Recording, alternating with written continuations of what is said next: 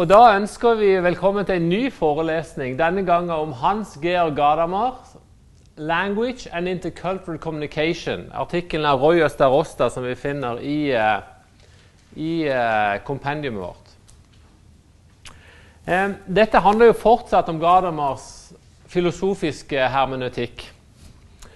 Det som Roy Starosta gjør i forhold til den uh, artikkelen som jeg har skrevet i 'Forståelsens gylne øyeblikk', og i forhold til det tekstutdraget av Gadamer som dere har, så fokuserer Roy Starosta på to begreper som Gadamer bruker veldig mye sjøl i 'Sannhet og metode', men som ikke vi har på pensum. Da Da går han tilbake til Aristoteles, og nå kommer det på en måte fram denne forkjærligheten som Gadamer har for disse gamle filosofene. da. Og det er å snakke om eh, tekne, og han snakker om praksis.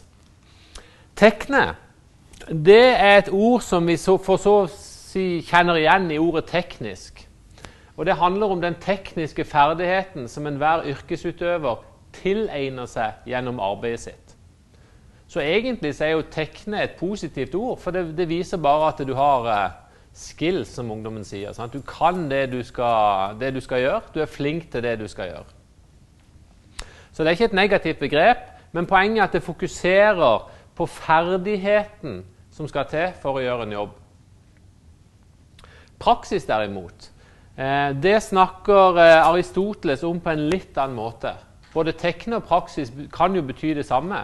For det kan jo bety, eh, det kan jo bety praksis. Men de har litt forskjellige betydninger. Og Når Aristoteles bruker praksis, og når Gadamer bruker praksis, så fokuserer han mer på individets handlinger som skaper relasjoner med andre mennesker. Da ser vi at det handler ikke bare om det tekniske som blir gjort, men det handler faktisk om de relasjonene som blir skapt ved at en praksis blir gjennomført. Og da kan vi, jeg tror at Hvis vi bare tenker oss litt om, så tror jeg at vi alle sammen ganske kjapt kan skjønne hva dette går i. For dere har alle en jobb. Og dere har alle gode dager, og dere har dårlige dager på jobb. Eller vi har alle gode dager, og vi har dårlige dager på jobb.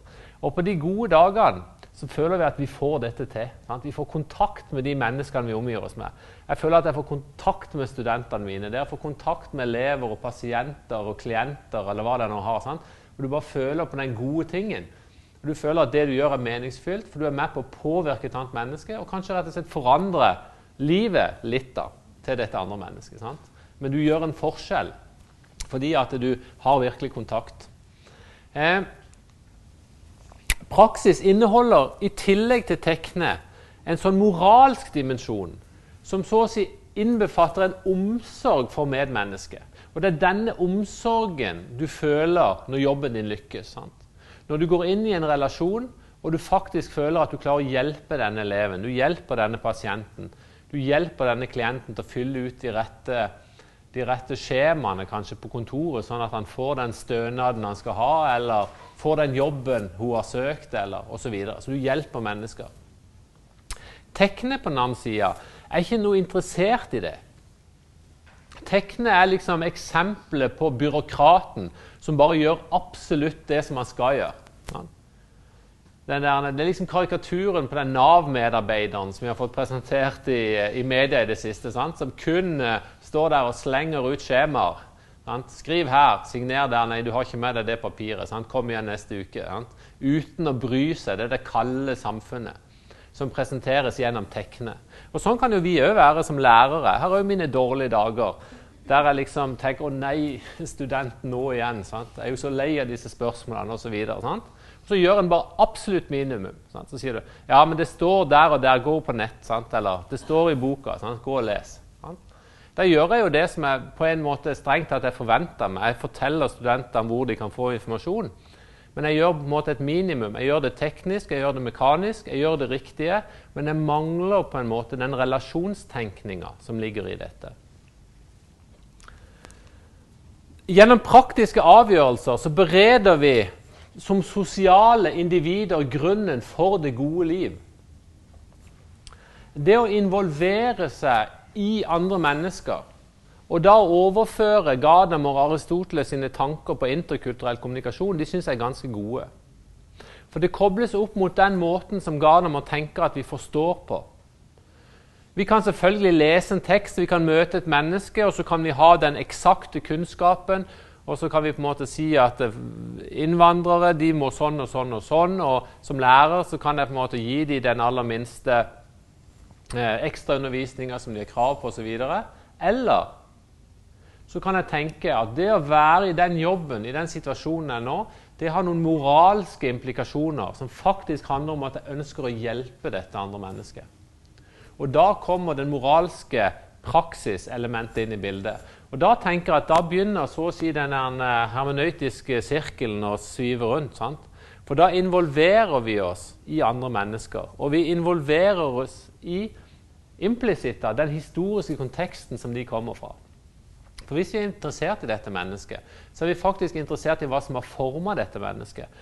Hva som gjør at det tar de valgene de tar, osv. Og, så og da er du liksom i gang. Da er du inne i spiralen. Og da er det så å si praksis som slår til, og ikke tekne. Aristoteles er jo veldig opptatt av dette med lykke. og Det er jo ingen tilfeldighet at disse nye lykkeforskerne sånn, de, de, trykker Aristoteles til sitt bryst. Sant? Og så har liksom den kognitive psykologien noen sånne springere ut. For de ser at til og med Aristoteles snakker om det. Hva er, det, hva er lykke? Sant? Hva er det gode liv? Osv. Det at mennesker skal få oppleve lykke, helse, fred, frihet og andre goder som gir menneskene et meningsfylt liv De fleste av oss har jobber som har dette elementet i seg. Ikke sikkert jeg tenker på det til daglig. sant? Ikke sikkert at det er det dere tenker. å ja, i dag skal jeg gjøre sånn at mennesker blir lykkelige, får fred og helse og et godt liv. sant? Dere gjør antagelig ikke det. Men hvis dere setter dere ned og tenker etter, så hmm, det er jo faktisk det vi ønsker. Sant? Vi ønsker å utruste mennesker. Hvis vi jobber med undervisning, så ønsker vi å utruste mennesker til å møte framtida, sånn at de kan få et godt liv.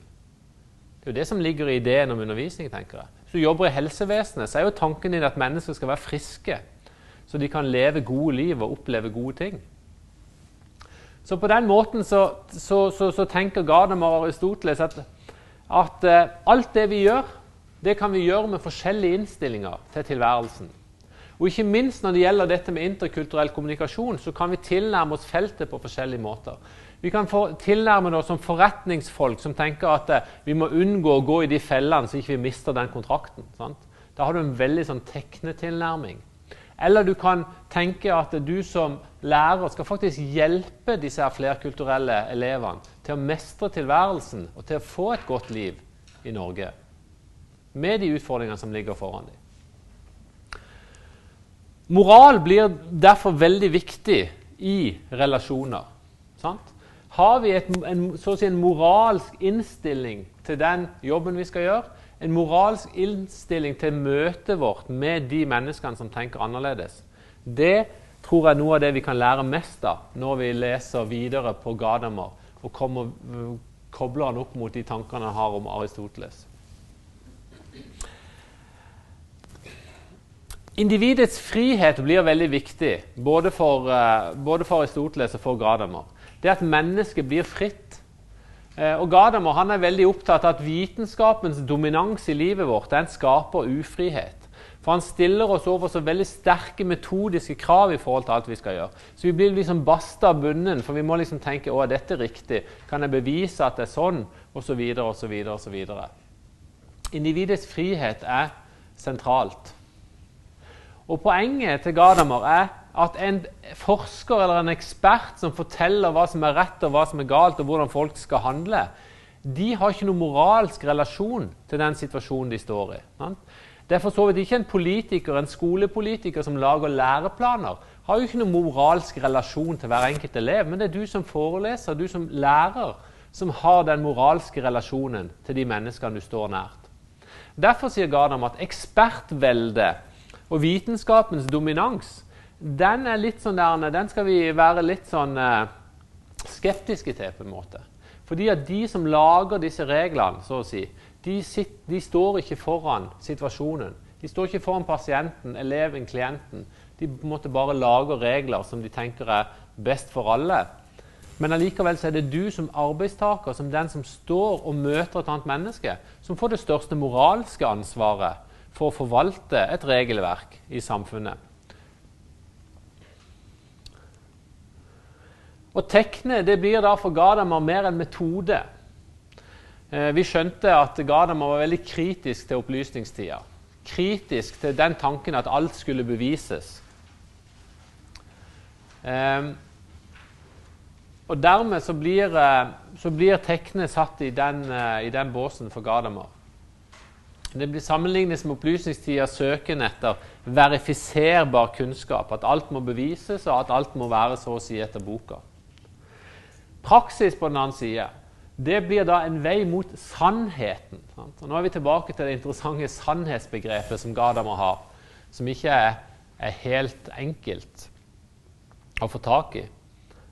Men, eh, men, det handler nok noe om som sagt, jeg har nevnt tidligere, hva vil det si å være menneske? Hva er det genuint menneskelige? Hva er det som genererer mer kunnskap om tilværelsen? Det er nok det Gadamer tenker på når han sier sannhet.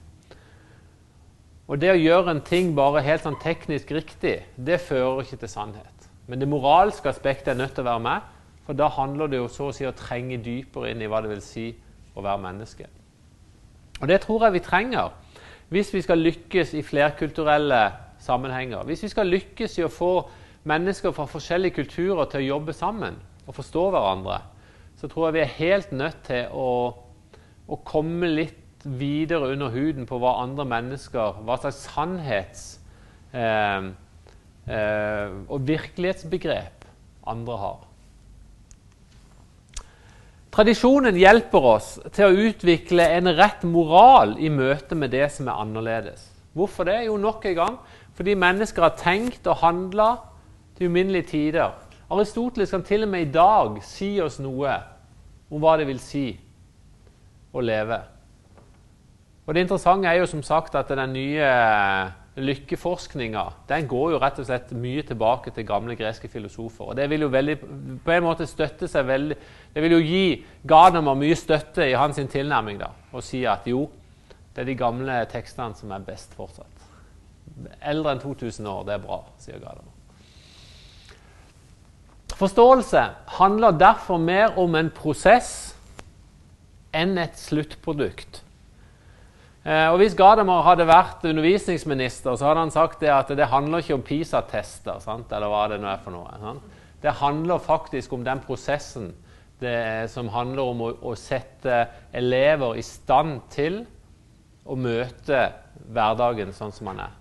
Møte framtida på en god måte, som gode, hele mennesker. Eh, og Det er klart det er en idealistisk, humanistisk tradisjon.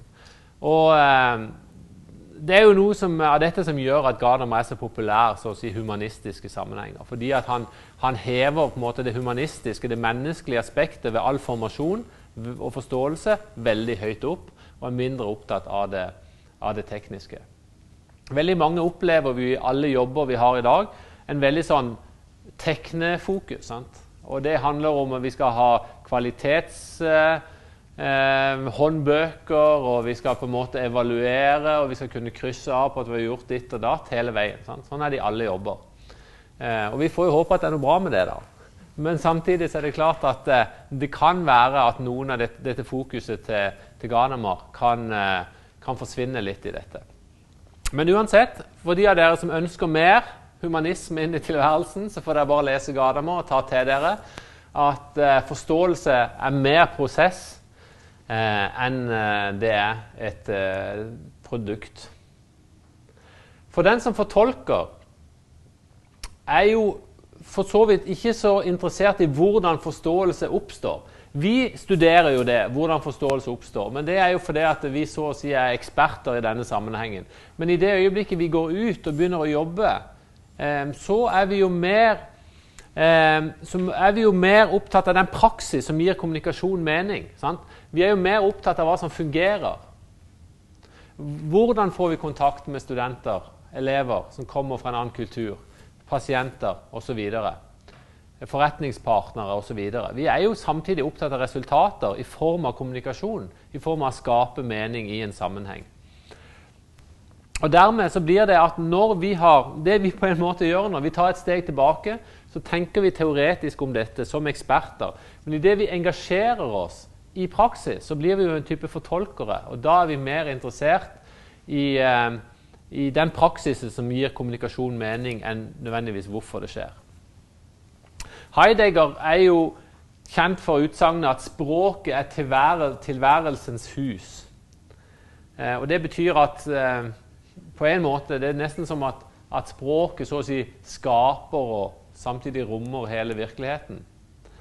Men, og Gadamer han videreutvikler det. Så sier han at eh, språket er ikke en eiendel, men så å si tilværelsens betingelse. Du verden. Dette er jo store ord. Språket er tilværelsens betingelse. Hva betyr det egentlig? Jo, det betyr jo på en måte at eh, Altså uten språket så har vi ingenting, da. Vil jo, vil jo Gadamer strengt tatt si. Sånn at eh, eh, eh, Det blir kjempeviktig å forsøke å forstå i hvor stor grad språket er knytta opp mot dette med forståelse. Hvorfor det? Jo, fordi at forståelse skapes kun gjennom en genuin dialog. Og For å ha en dialog så trenger vi et språk. Det kan selvfølgelig være språk i vid forstand. Det trenger jo ikke være ord. Det kan jo være, kan jo være et nonverbalt språk ved handlinger osv. osv. Men poenget er jo det vi har snakka om tidligere. Hvordan kan vi vite hvordan verden ser ut for andre mennesker? Det kan vi jo selvfølgelig ikke vite noen ting om. Jeg aner jo ikke hva som foregår inn i deres hode. Jeg aner jo ikke hva dere ser når dere ser noe. Den eneste måten jeg kan få informasjon om det, det er jo strengt tatt at dere forteller meg hva dere ser. Så kan jeg tenke ja, jo, men det er omtrent det jeg ser. Sant? Da har vi en felles forståelse. Men jeg kan jo ikke vite det. Sant? Og det er jo en litt sånn skremmende og interessant tanke samtidig at på et vis så er vi veldig alene i verden. Sant? For er, det er kun vi som kan oppfatte verden på den måten vi gjør. Men grunnen til at vi har en felles oppfattelse av hva verden er, og hva som er utfordringene i verden, er jo fordi at vi snakker sammen. Noen skriver, vi leser, noen lager TV osv., og, så videre, og så ser vi. Sant? Vi får en masse synsinntrykk som, som på et vis òg er forma i et språk, enten et billedspråk eller hva det er for noe. Men sånn filosofisk sett så, så, så, så, er språket betingelsen for kommunikasjon. Og det sier noe om hvor viktig språket er. Og det handler noe om hvor viktig vår sånn dagligdagse dialog med de menneskene vi omgås, er. Derfor tenker jeg mange ganger at e-post er en veldig dum ting. Fordi at eh, e-posten som kommunikasjonsform er, har liksom ikke så mange konvensjoner. All, all språkbruk har konvensjoner. Eh, men e-posten bruker vi veldig mye uten å være helt sikre på hvordan vi bruker den. Jeg sender ut en eller annen melding, kanskje masse, adresser, masse kopier osv. Hva er dette egentlig? Er det en informasjon? Er det et spørsmål? Forventer jeg at den adressaten skal svare på dette? Skal han ta det til etterretning? Er dette for å provosere? Altså, det ligger på en måte ganske mange ting i eh, måten vi bruker e-postkommunikasjon på, som gjør det vanskelig å tolke hva vi egentlig mener med det.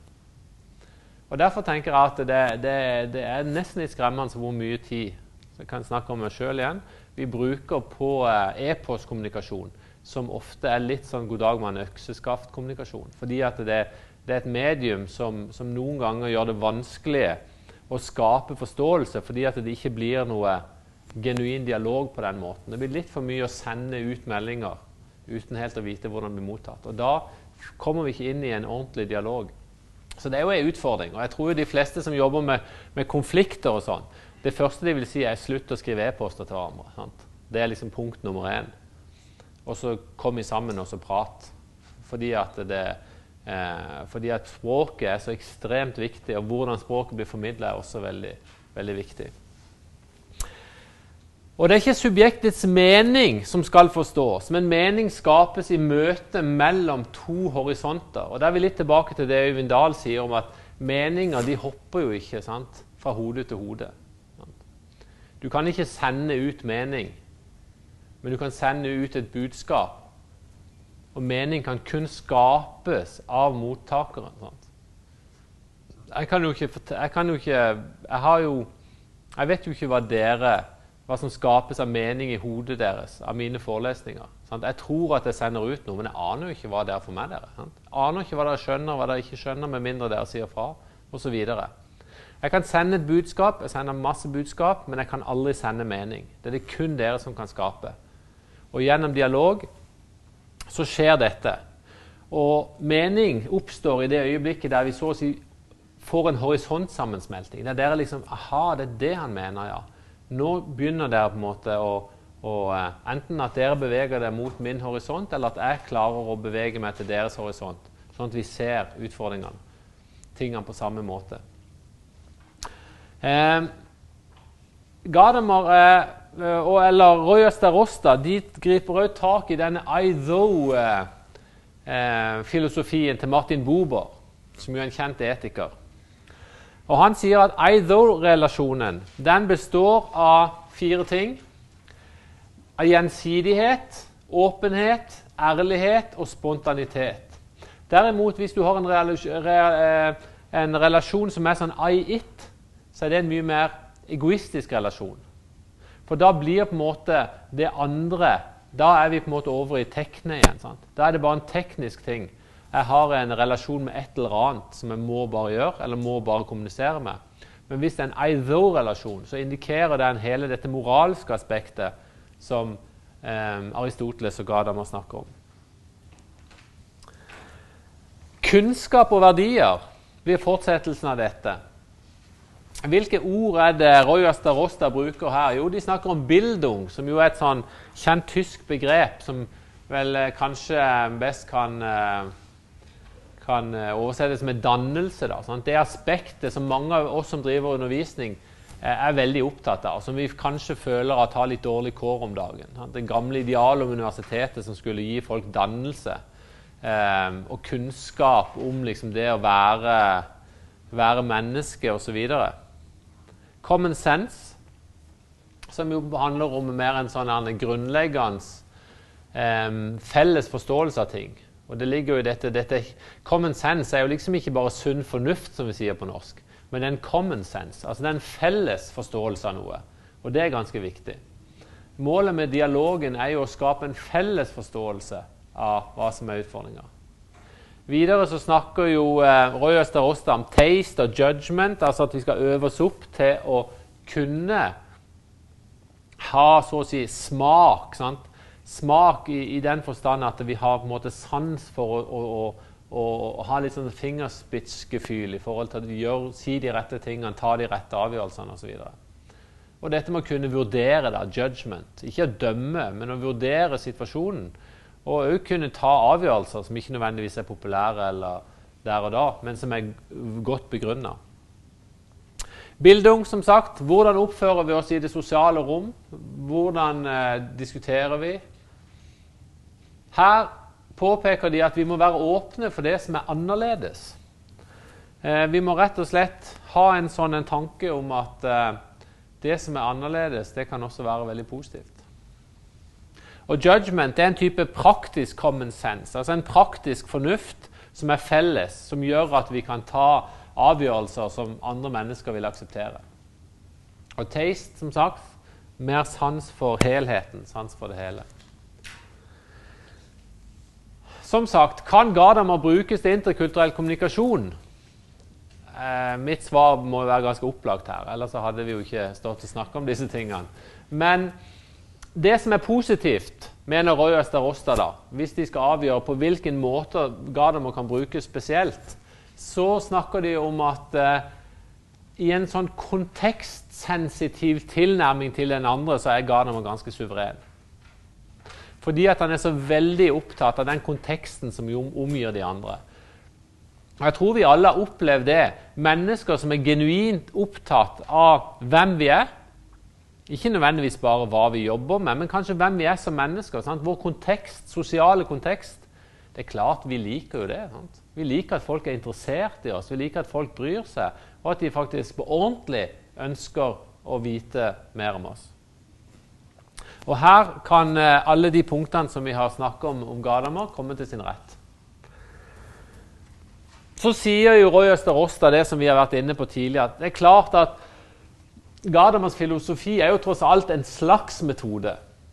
Det er en måte å møte andre kulturer på. Men vi trenger jo, selv om Gadamer er kritisk til opplysningstidas metode, så trenger jo ikke vi være kritisk til metode.